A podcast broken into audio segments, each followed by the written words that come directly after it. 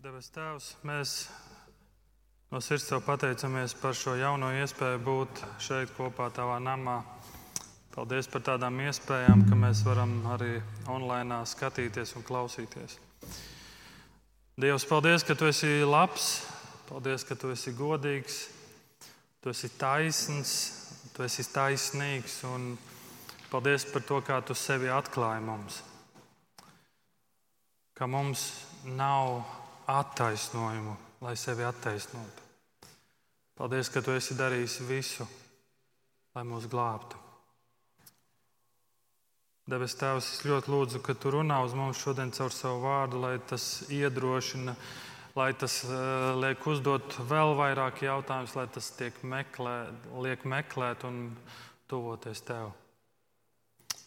Jā, labais un varenais Dievs svētī šo vārdu, ko šodien sludināšu, un lai Tavs gars vada, atver sirdis, prātus un domas un izmaina mūs.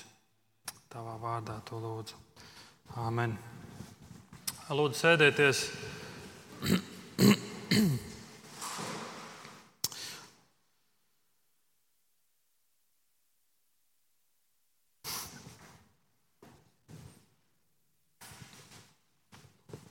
Šodien ir liels jautājums, uz ko mums ir jārod, jārod atbilde. Un kā jau mācītājs Girts teica, šis jautājums ir, kas notiks ar cilvēkiem, kuri nav dzirdējuši evaņģēliju? Jautājums, ko tik daudz ir uzdevuši, par ko tik daudz ir domājuši un, un, un joprojām domā un, un, un strīdās un tā tālāk. Es atceros, reizēm dzīvē ir tādi brīži, un es pieļauju, ka arī tev ir tādi momenti, kurus tu negribi atcerēties, vai par kuriem tu negribi domāt. Vai tad, kad tu atceries šos brīžus, tu, tu notrīsi pilnīgi un domā, labi, ka tā. Es domāju, ka katram mums ir bijuši tādi brīži. Es atceros, kad brālis Edgars dalījās ar savu liecību, un viņš rādīja šo bildi par šo auto avāriju. Un liekas, tu ieraugi to bildi un liekas, kā vispār cilvēks tur spēja izglābties. Un es pieļauju, ka Edgars noteikti ir tādi brīži, kad viņš to atcerās un viņš domā, paldies Dievam. Ir labas ziņas, es izdzīvoju. Labas ziņas, es, es izdzīvoju. Atceros, kad, mēs, kad mums meitas bija mazākas, jau atmiņā sāk pievilkt. Es neatceros, vai trešā meitiņa bija jau vai nebija. Mēs aizbraucām uz, uz laukiem, un tajā laikā mums nebija mašīna. Tad uh, ģirts mums bieži vien uzticēja savu auto, un mēs aizbraucām uz laukiem.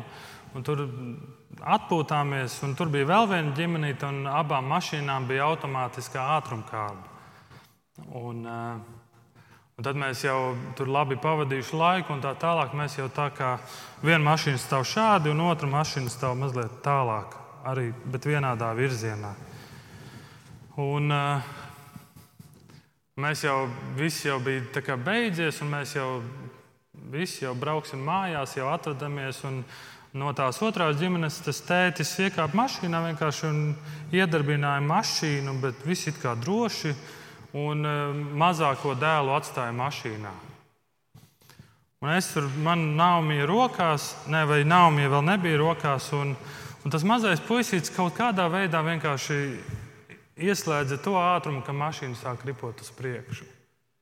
Es pamanīju, es savu mazo meitiņu ātri paņēmu, iekāpu ar ma ap maliņu, iekāpu mašīnā.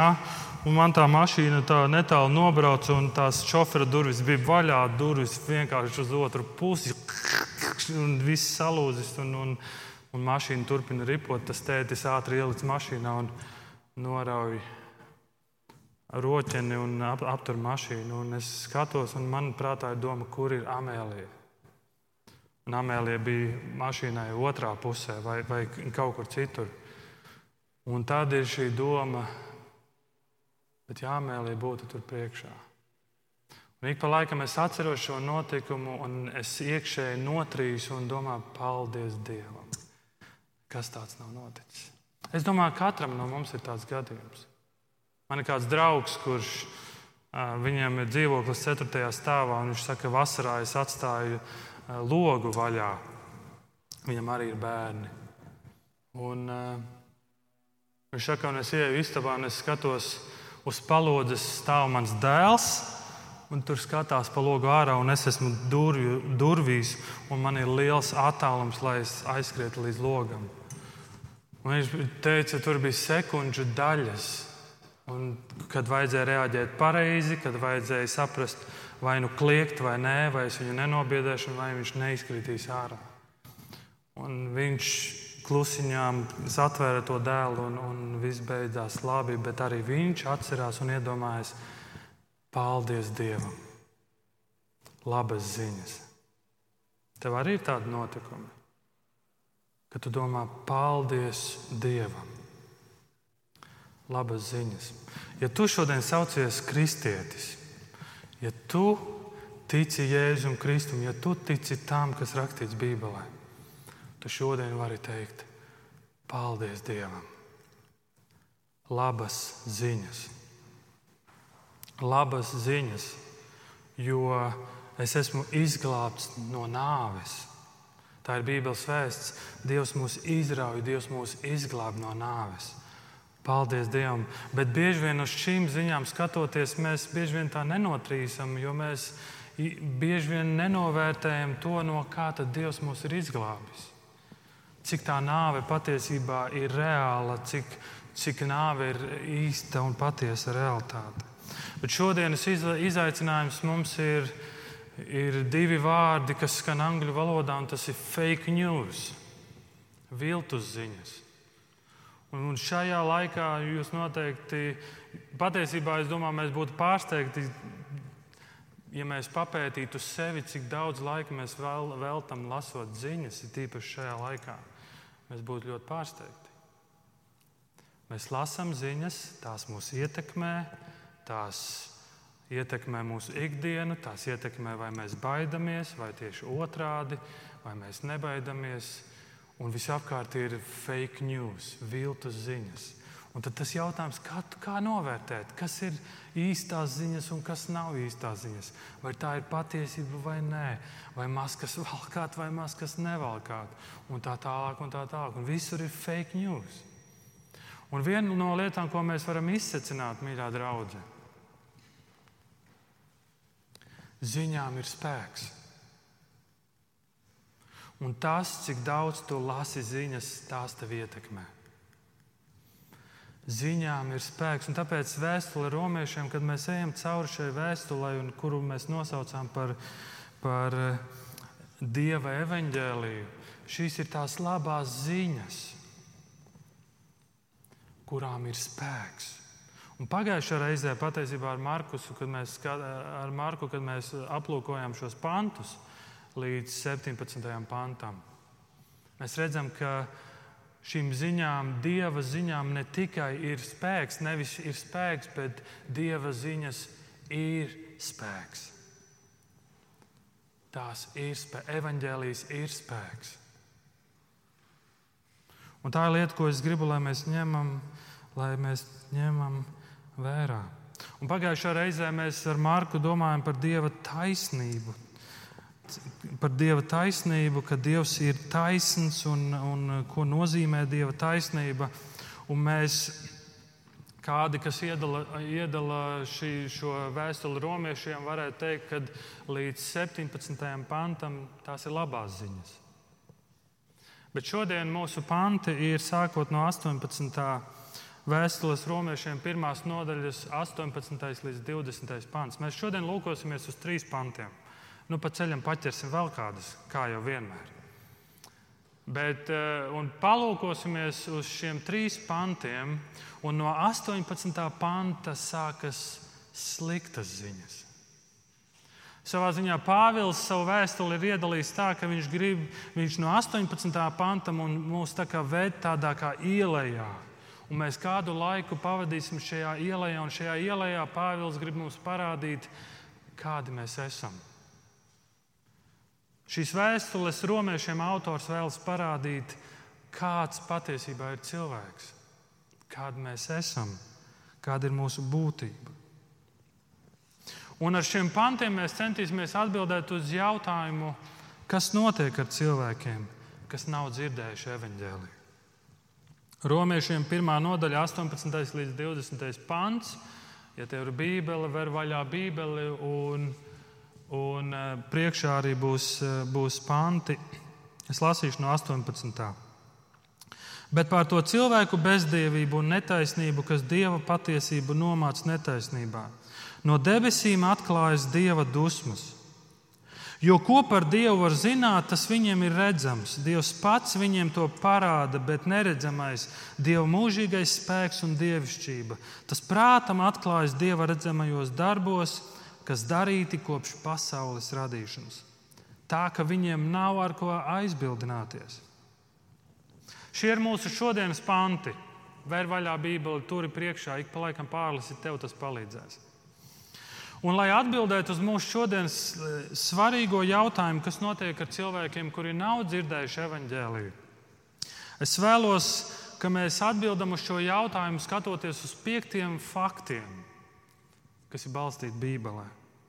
Es runāšu par pieciem faktiem, kas ir balstīti Bībelē un ko mēs redzam šajos pantos. Un pirmais no faktiem ir, visi cilvēki zina par Dievu. Tas ir pirmais fakts. Romiešiem pirmā nodaļa, 19. un 20. pants. Jo ko par Dievu var zināt, tas viņiem ir redzams. Dievs pats viņiem to parāda. Visi cilvēki zina par Dievu. Viens no cilvēku argumentiem, pretargumentiem, jautājumiem ir Dievs, un mums tā sajūta ir, ka Dievs nav godīgs. Dievs ir netaisns. Kāpēc? Kā Dievs var pieļaut to, ka ir kādi cilvēki, kuri nedzird? Dievs ir netaisns. Un šādu apgalvojumu izsaka cilvēks, izsakām mēs, kas līdz galam neesam izpratuši Dievu. Mēs nere, nemaz nespējam ieraudzīt Dieva lielo bildi, un mēs sakām, ka Dievs ir netaisns. Bet Bībele skaidri mums atklāja un saka, ka Dievs ir taisnīgs, Dievs ir godīgs. Tas nav godīgi, mēs sakām. Kā Dievs var prasīt atbildību no kāda, ja tas kāds nekad nav dzirdējis par Dievu? Vai tiešām nav dzirdējis? Un lūk, ir Pāvila atbilde. Jo ko par Dievu var zināt, tas viņiem ir redzams. Dievs mums to ir atklājis. Dievs mums to ir atklājis. Pāvils saka, ka visi cilvēki zina par Dievu. Un šeit Pāvils nerunā par Bībeles zināšanām. Šeit Pāvils runā, ka Dievs sevi atklāja citādākos veidos.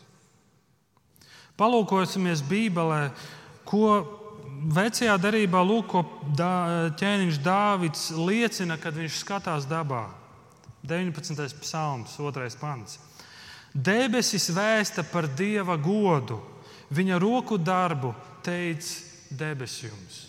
Kuram no jums patīk daba? Es domāju, šis laiks mums vairāk liek iemīlēt dabu. Un kad tu esi pie dabas, kas ir tās domas, kas ir tās emocijas, ko tu izjūti?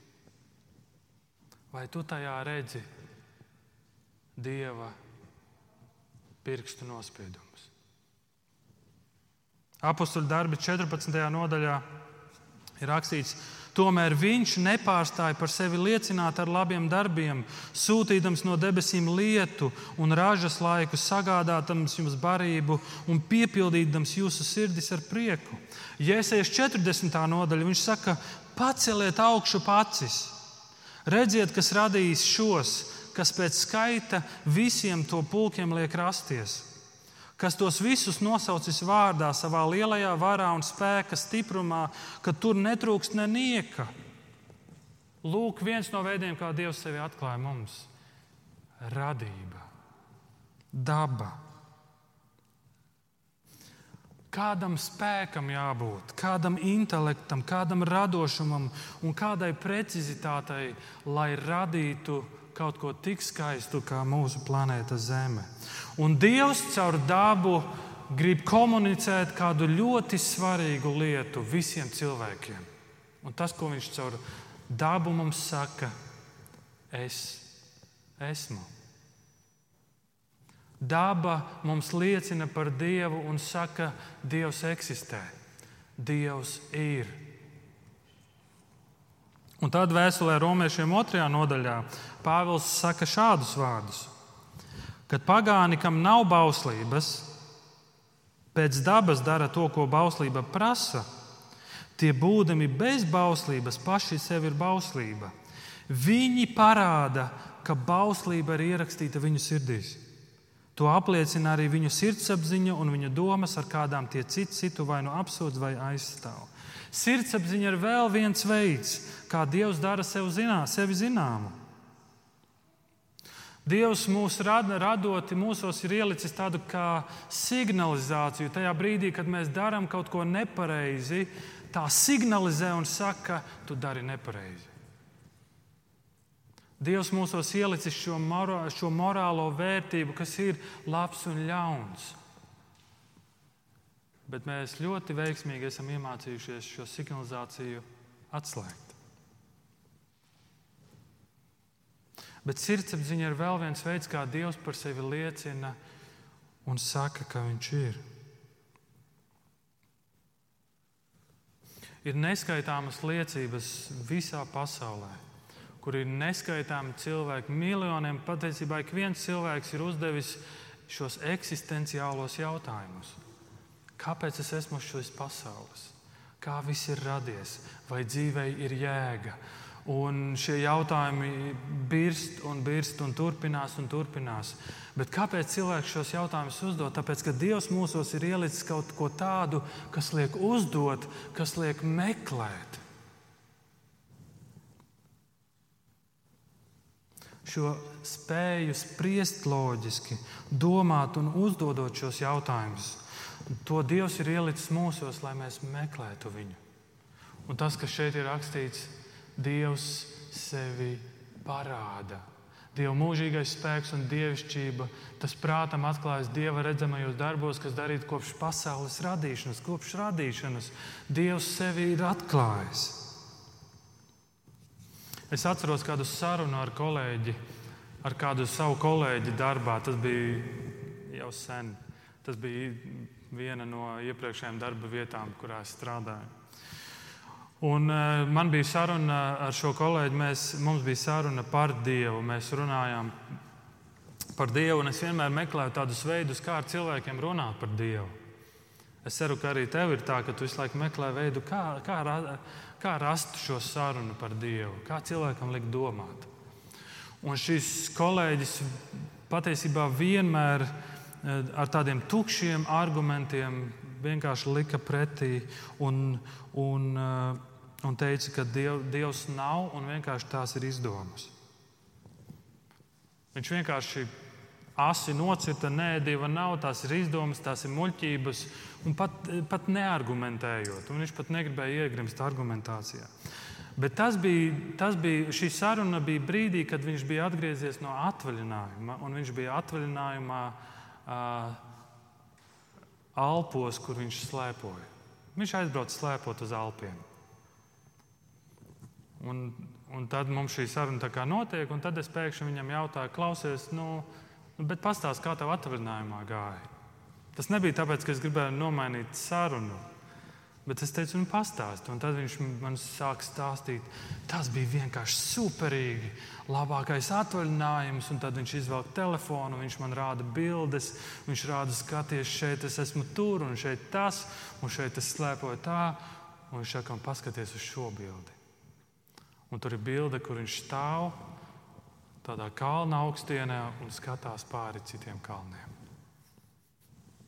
Un, saka, un šis kolēģis man saka, un tad, kad es biju tajā kalna augstienē un skatījos, man elpa aizrāvās, un es nespēju ar vārdiem izteikt, cik tas bija skaisti. Un tad es turpināju sarunu par Dievu, viņam uzdodot jautājumu, kā tev šķiet, vai tā pieredze, kuru tu tikko piedzīvoji, un tu saki, tas ir skaisti. Vai tas skaistums ir radies ne no kā, netīšām, pēkšņi, sprādziena rezultātā? Viņš apstājās, viņš padomāja, viņš iepauzēja un tad pārtrauca mūsu sarunu, noteikdams, tas, kurš grib ticēt, lai tic, bet man tas neinteresē. Es ļoti ticu, ka uz kādu brīdi šī iekšējā cīņa viņā bija, ka viņš saprot, daba liecina par Dievu, un man nav attaisnojums. Un tāpēc otrais fakts, pirmais fakts, ko es gribu, lai mēs domājam, visi cilvēki zina par Dievu. Otrais fakts, visi cilvēki nomāca Dieva patiesību. Un pāns ir no romiešiem pirmās nodaļas 18. pants. Bet par to cilvēku bezdievību un netaisnību, kas dieva patiesību nomāca netaisnībā, un tad ir, tur, ir turpinājums. Lūk, ko Pāvils šajā pantā mums atklāja. Viņš atklāja mūsu patieso stāvokli un grēku. Pāvils atklāja mūsu patieso stāvokli un grēku. Marka eh, evanģēlīja 12. nodaļā ir saruna Jēzum, pie viņa pienāk un jautā šo jautājumu Jēzu, kas ir pats svarīgākais bauslis, kas ir augstākais bauslis? Un Jēzus atbild, augstākais ir klausies Izraēla kungs, mūsu Dievs ir vienīgais kungs un mīli kungu savu dievu no visas sirds, un no visas dvēseles, un ar visu prātu un ar visu spēku. Otrs ir šis mīli sev tuvāko kā sevi pašu. Par šiem augstāka baušļa nav. Augstākais bauslis - mīli Dievu un savu tuvāko kā sevi pašu.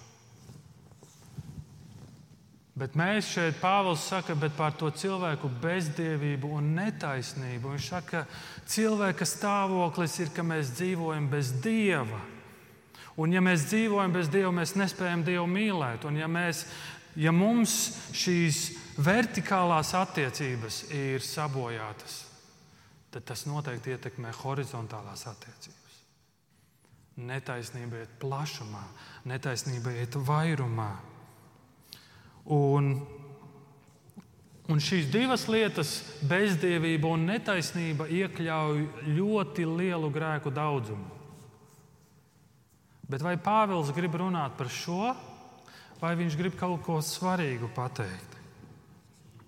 Vai viņš grib norādīt uz kaut ko citu?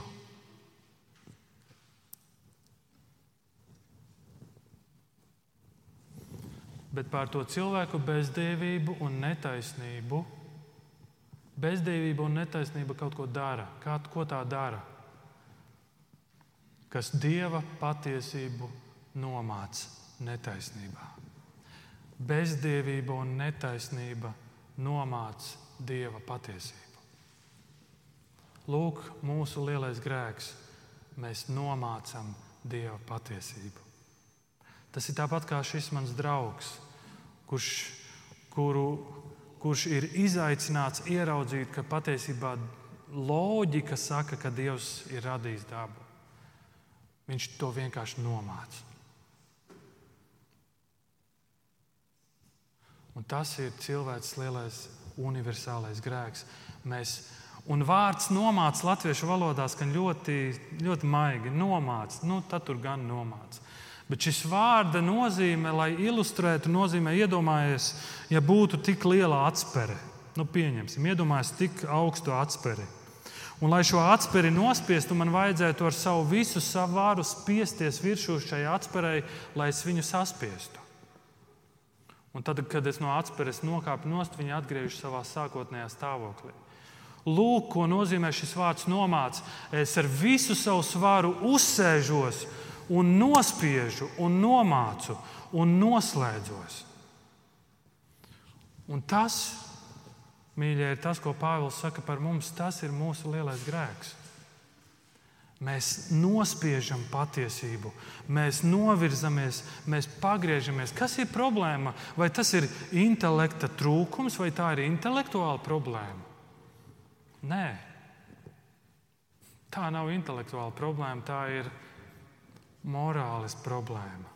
Un tā mūsu problēma ir, ka mēs ienīstam Dievu. Un tāpēc mēs ienīstam jebko, kas saistīts ar viņa vārdu, ar viņa patiesību, un tāpēc mēs to nospiežam. Akadēmiskās aprindās, skolās, darbos, veikalos, visur, kur tu dzirdi patiesību, tā tiek nospiesta. Tikmēr, kamēr mēs nomācam patiesību, mēs nespējam ieraudzīt savu patieso būtību un nespējam ieraudzīt Dievu un to, kā pasaule ir veidota. Mēs dzīvojam attaisnojumos, mēs visu laiku sevi attaisnojam. Bet jautājums, vai mūsu attaisnojumi ir pareizi? Un tāpēc trešais fakts, ja pirmais fakts ir visi cilvēki zina par Dievu, tad otrais fakts ir, kas ir otrais fakts? Visi cilvēki nomāca Dievu patiesību. Bet trešais fakts ir, visi cilvēki ir vainīgi. Paskatīsimies uz 20. pantu. Bet neredzamais Dieva mūžīgais spēks un dievišķība, tas prātam atklājas Dieva redzamajos darbos, kas darīti kopš pasaules radīšanas, tā ka viņiem nav ar ko aizbildināties. Tas, ko Pāvils saka, Dievs ir darījis visu, lai mums nebūtu ar ko aizbildināties. Mīļie, mums nav ar ko aizbildināties. Romiešiem 3. nodaļā Pāvils saka, 11. un 12. pantā, nav neviena, kas saprot, nav neviena, kas meklē dievu. Visi ir aizgājuši no dieva, visi kļuvuši vienlīdz nederīgi. Nav neviena, kas dara labu, pat neviena nav. Un Markus pagājušajā svētdienā izcēla ļoti populāru apgalvojumu: visi tā dara. Visi tā dara. Un arī cilvēki, kas nelasa Bībeli ikdienā, ir dzirdējuši romiešiem 3,23 un saka, jā, bet visi jau ir grēkojuši, visi mēs esam vainīgi. Un tā ir patiesība. Mēs visi esam vainīgi. Kas būtu tie argumenti, Kas būtu tie pretargumenti, kad mēs stāsimies Dievu priekšā? Kas ir tās lietas, ko mēs Dievam varētu teikt? Dievs, es nezināju, ka tu esi.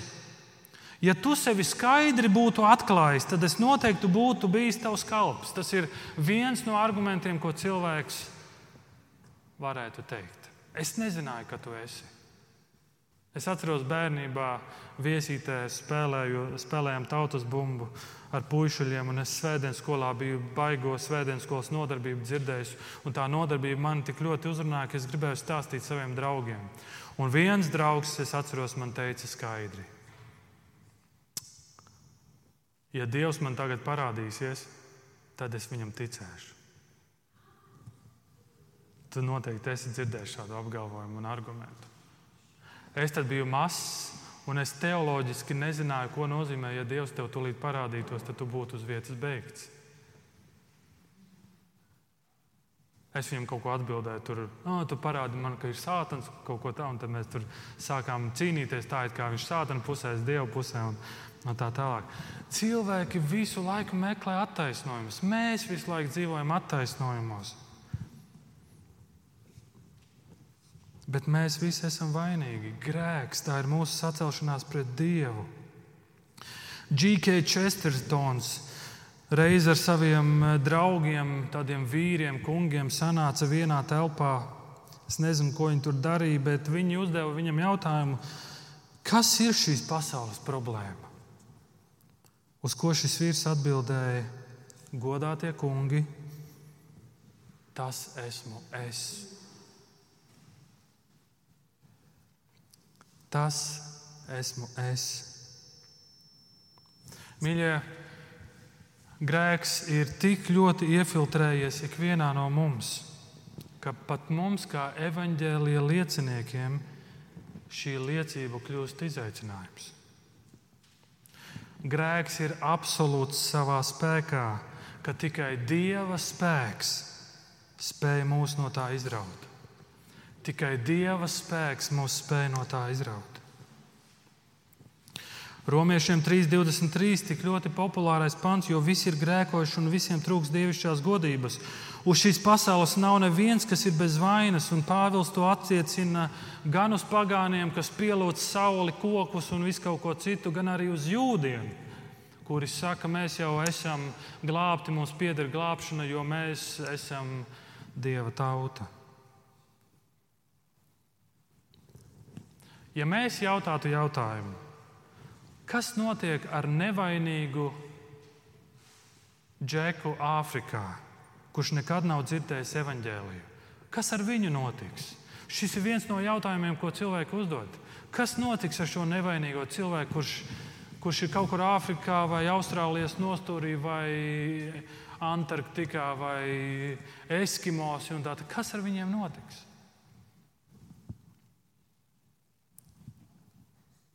Balstoties uz Bībeli, mēs pavisam droši varam teikt, ka šāds cilvēks bez šaubām dodas uz debesīm. Bez jautājumiem. Viņš pavadīs mūžību debesīs.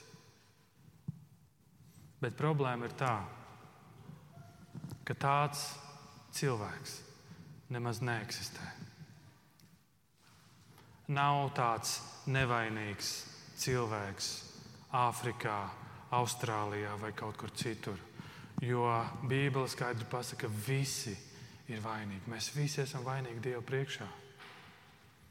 Mēs visi esam vainīgi un mums visiem izmisīgi ir vajadzīga glābšana. Un līdz ar to nākamais fakts, kurš skan mazliet sarežģītāk, bet es to izskaidrošu. Visi cilvēki ir Dieva taisnības ietekmē. Visi cilvēki ir Dieva taisnības ietekmē. Ko es ar to domāju? Pāvils 18. pantā skaidri parāda, bet par to cilvēku bezdievību un netaisnību, kas Dieva patiesību nomāca netaisnībā, no debesīm atklājas Dieva dusmas. Lūk, mūsu lielā problēma, lūk, sliktās ziņas. No debesīm atklājas Dieva dusmas pār mūsu bezdievību un netaisnību, kas rezultējas tajā, ka mēs nomācam Dieva patiesību. Rezultāts - Dieva dusmas.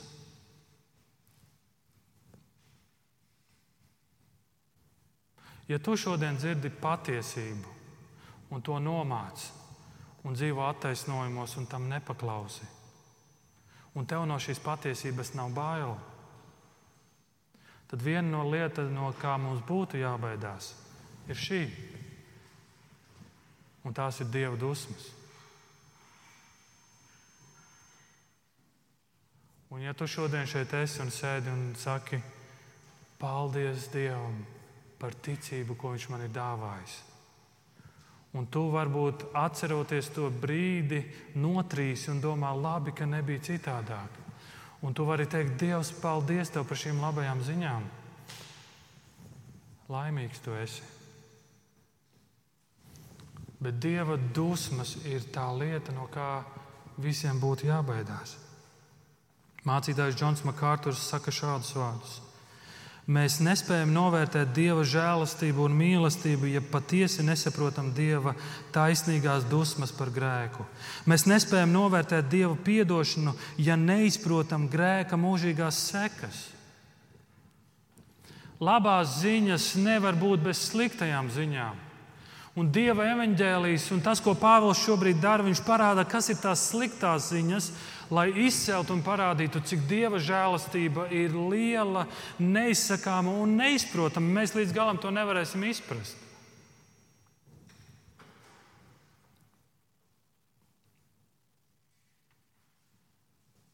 Mateja 26. nodaļā mēs lasām vārdus, ko saka Jēzus. Mans tēvs, ja tas ir iespējams, lai šis biķeris iet man garām Tomēr ne kā es gribu, bet kā tu. Jēzus atrodas ģedzimanis dārzā un viņš lūdz šo lūgšanu, jo viņš zina, viņu gaida krusta nāve. Un daudzi varētu teikt, šajā brīdī mēs redzam Jēzus bailes. Okay. Bet jautājums, no kā Jēzus baidījās, kā tev šķiet? Vai no tā, ko viņam nodarīs romieši? Vai no tā kausa, kuru viņš lūdz lai iet garām. Un visā vecajā derībā, Jēzus grāmatā, Jeremijas grāmatā un pat atklāsmes grāmatā šis kauss simbolizē dieva dusmas. Lūk, no kā Jēzum ir bail. Viņš trīc līdz pat asins piles viņam tic, viņam tek. Viņam ir bail no šīm dieva dusmām, ko viņam būs jāuzņem uz sevi. Lūk, no kā mums ir jābaidās. Atklāsmes grāmatā mēs lasām, un vēl cits, trešais eņģelis viņiem sekoja skaļā balsī augdams. Ja kāds pielūgs zvēru un viņa tēlu un pieņem zīmi uz savas pieres vai uz savas rokas, tas dzers dieva dusmu kvēles vīnu, kas neatšķaidīts ir ieliets viņa dusmu traukā. Neatšķaidīts, piepildīts, saspiests. Tas tiks mocīts ugunī un sēra, sērā svēto eņģeļu un ņēra priekšā. Dieva dusmas mīļie ir lielākā traģēdija, kas ar, ar cilvēku var notikt. Bet tāpēc ir šīs labās ziņas, ka Jēzus paņem šo kausu un viņš izdzer līdz pēdējai pilītei. Viņš to uzņem uz sevi un viņš saka, viss piepildīts. Kāpēc? Tevis dēļ. Un tāpēc piektais punkts, piektais fakts. Visiem ir vajadzīgs evaņģēlijs. Kas notiek ar cilvēku, kuri nav dzirdējuši evaņģēliju? Šādi cilvēki paliek grēkā. Tie turpina dzīvot, nomācot Dievu patiesību. Un, un mēs redzam, kas šodien notiek ka dieva dusmas jau šodien, patiesībā dieva dusmas atklājas šodien. Un par to mēs runāsim arī turpmāk un tālāk, ko tas nozīmē. Bet Dieva dusmas atklājas šodien, un mēs redzam, ko tas nozīmē un kā tas izpaužas šodien. Kā cilvēki domā, kas ir mūsu vērtību sistēma, kas ir tas, ko mēs pārdefinējam, kas ir tas, ko mēs sakām, kas ir labs un kas ir ļauns. Un tur redzam, mēs jau esam nodoti Dieva dusmībai.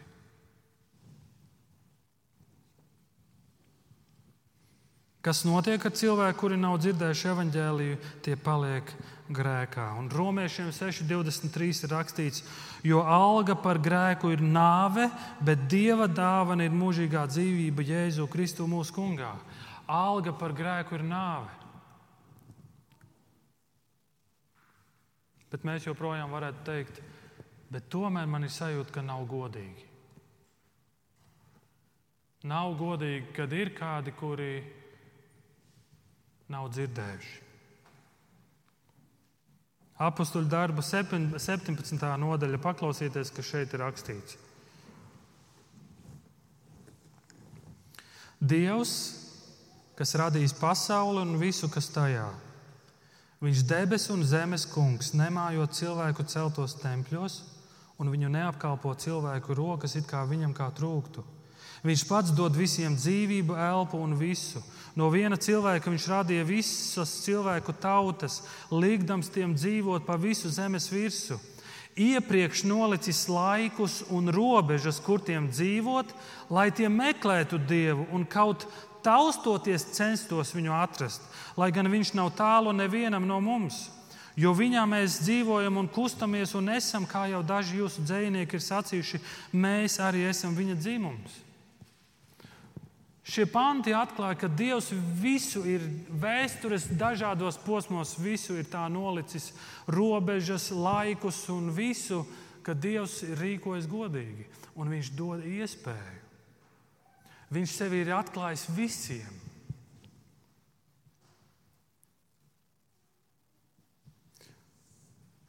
Iedomājieties, ja mums būtu ja mēs pēkšņi atklātu laika mašīnu un mēs teiktu, ok, visi tie, kas nav dzirdējuši evaņģēlīju pagātnē, ar laika mašīnu dabūsim viņu šodienā un pastāstīsim viņiem evaņģēlīju.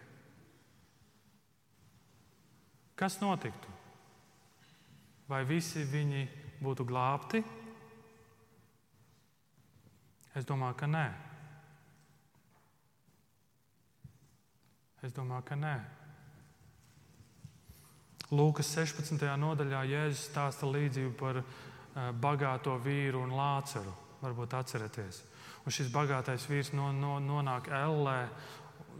Viņš ir ciešanās, un viņš brēc. Un šajā līdzībā Jēzus pastāsta, kā viņš, viņam ir saruna ar Ābrahāmu. Viņš saka, sūti kādu, lai viņš dodas pie maniem brāļiem un pastāsta, lai viņi izglābtos. Un Ābrahāms viņiem saka, ka viņiem ir mūzes un bauslība, lai viņi klausās. Un viņš saka, bet sūti kādu no, no nāves, lai sūti kādu, lai viņiem liecina. Un tad viņš saka, pat ja kāds augšām celtos, viņi neticētu. Šī līdzība, ko Jēzus pasaka, atklāja kādu realitāti par mums cilvēkiem. Par to, kā mēs nospiežam Dieva patiesību. Es dzirdēju statistiku, ka pasaulē šodien ir aptuveni 2 miljardi cilvēku, kuri nav dzirdējuši evaņģēliju. Un, ja mēs būtu piekritēji tai domai, ka tie, kas nav dzirdējuši evaņģēliju, arī viņi nokļūs debesīs, ir tādi, kuri to sludina un saka, tad patiesībā mums nebūtu iemesls šeit sēdēt domāt un eh, lauzīt galvas, kā savam kaimiņam pastāstīt evaņģēliju. Jo tajā brīdī, ja tu viņam pastāstītu evaņģēliju, tu nodarītu viņam lielu ļaunumu. Viņš teikt, tu visu sabojāji.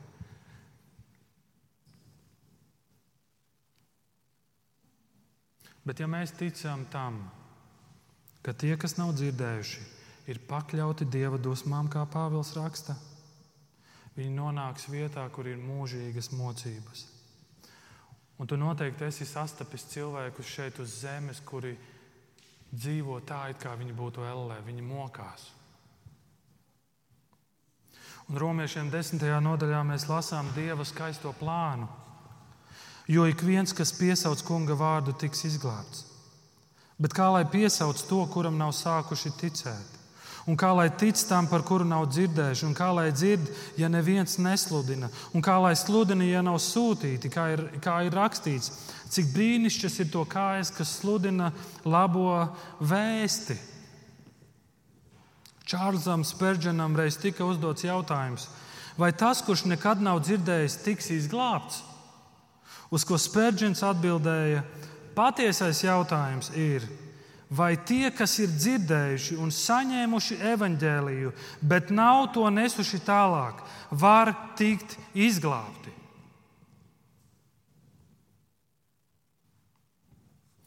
Visiem ir vajadzīgs evaņģēlijs. Un Dieva āplāns tie esam mēs. Tā ir draudzene. Tie ir cilvēki, kas ir saņēmuši. Plāna B nav. Mēs esam dzirdējuši stāstus, ka Dievs atklājas caur sapņiem musulmaņu zemēs, un Dievs atklājas sevi. Un, un tādas lietas notiek, bet Dievs atklājas šiem cilvēkiem, lai viņi nestu evaņģēliju tālāk. Mīļie, tā ir Kristus pavēle. Sludināt Dieva evaņģēliju visām tautām un parādīt jums, tie, kas netic, tiem ir nāves sots, tiem ir nāves spriedums. Un, ja mēs skatāmies uz romiešiem desmito nodaļu, vai mēs varētu jautāt, vai Kristus sūta? Jā, Kristus joprojām mūs sūta. Viņš sūta mūs darīt ko? Viņš sūta mūs sludināt evaņģēliju. Un kad mēs sludinām, kas notiek? Cilvēki dzird. Ja mēs nesludinām sienām, bet sludinām cilvēkiem, tad cilvēki dzird. Un kad cilvēki dzird, kas notiek, cilvēki tic. Vai visi tic? Nē, ne visi. Bet atklāsmes grāmatā, 5. nodaļā, ir skaists apsolījums. 9. pantā. Viņi dziedāja jaunu dziesmu, tu esi cienīgs ņemt rakstu rulli un atvērt tā zīmogus, jo tu tiki nokauts. Un es izpircis dievam ar savām asinīm ļaudis no katras cilts, un valodas, un tautas un tautības. Un lūk, labās ziņas. Jebkur, kur mēs dosimies un sludināsim būs kāds, kurš dzirdēs, un būs kāds, kurš ticēs. Tie nebūs visi, bet būs kāds, kurš dzirdēs. Būs kāds, kurš, kurš ticēs. Un, ja tic, ko dara, tie, kas tic, tie sauc.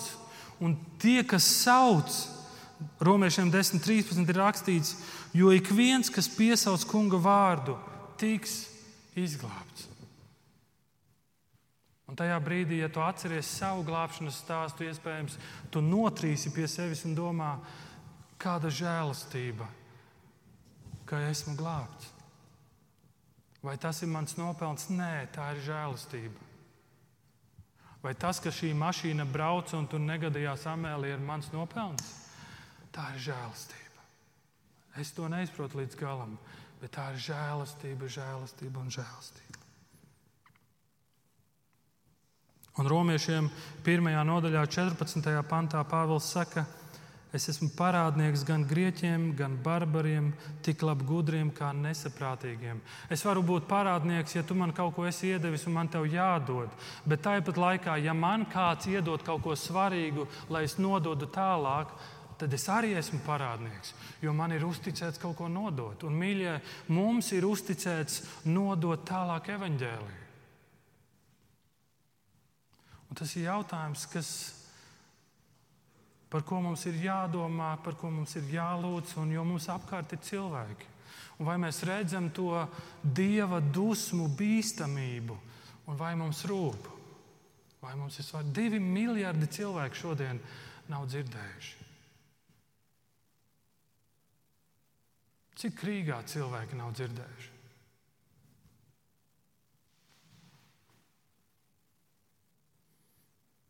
Visapkārt ir cilvēki, kuriem ir spriedums, nāves sods. Bet Dievs ir atklājis, ir devis labās ziņas. Caur ticību tu vari tikt glābts. Un tas jautājums ir un paliek, kas nodarbina manu prātu. Kā šīs labās ziņas pasludināt šajā Covid laikā, kad es pat baidos pieiet tuvāk par diviem metriem? Bet šis Covid laiks ir tāds sajūta, ka tāds liels un skaļš dieva rupors, kurš saka, atgriezieties. Un Dievs grib lietot mūs, lai mēs ejam un cilvēkiem to sakam. Un tāpēc es aicinu, ka mēs tagad varam lūgt, noliekt galvas lūgšanā un domāt par tiem cilvēkiem, kas ir apkārt. Un varbūt tev ir prātā kāds viens konkrēts cilvēks, kurš Kristu vēl nepazīst. Lūdzu Dievam, Dievs palīdz man atrast veidu, kā viņam pasludināt. Ja piedod manu masticību un manas bailes. Visi cilvēki zina par Dievu. Nav attaisnojums. Visi cilvēki nomāca Dieva patiesību. Visi ir vainīgi un visi ir pakļauti Dieva dusmībai. Bet visiem ir vajadzīgs Dieva evaņģēlijs. Lūksim! Debes Tēvs, es pateicos par Tavu vārdu, kurš šodien tik uh, spēcīgi runā uz mani. Es ļoti lūdzu, lai tie nav tikai skaisti vārdi šeit priekšā, bet lai mūsu sirds sāp par cilvēkiem, kas nepazīst Tevi. Un paldies par to apsolījumu, ka jebkur, kur mēs dosimies, tomēr būs kāds, kurš dzirdēs. Un palīdz mums piedzīvot šo skaisto brīdi, ka cilvēks dzird, ka cilvēks tic un spēj atzīt, Jā, Jēzus ir mans glābējs.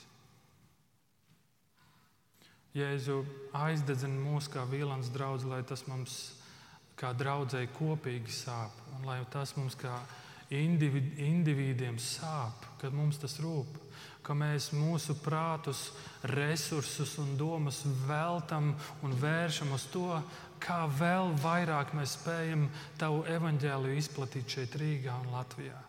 Kas ir tās lietas, ko, vēl, ko mums vēl vajadzētu darīt? Dievs, es ļoti lūdzu, ka tu mums to atklāji. Dievs, es ļoti lūdzu, ka tu maini mūsu sirdi, mūsu attieksmi. Un lai tā statistika un tie skaitļi ir viena no motivācijām. bet lai tā mīlestība, ko mēs saņemam no tevis, ir vislielākā motivācija iet un stāstīt citiem. Svētīts, lai top tavs vārds. Jēzus vārdā. Āmen.